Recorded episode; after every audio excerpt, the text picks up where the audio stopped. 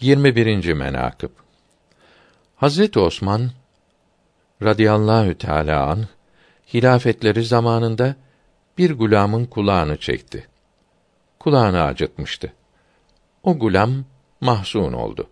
Hazreti Osman'a dedi ki: Ya efendi, kıyamet gününü düşün ki her kişi hakkın huzuruna vardığı zaman hakkını alsa gerektir.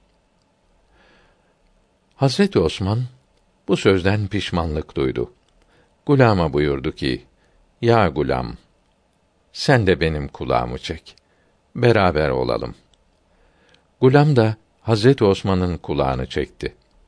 Hazreti Osman buyurdu ki: Ya gulam, çok çek. Gulam dedi ki: Ya efendi, Hazretiniz kıyamet gününü düşünüp korktunuz.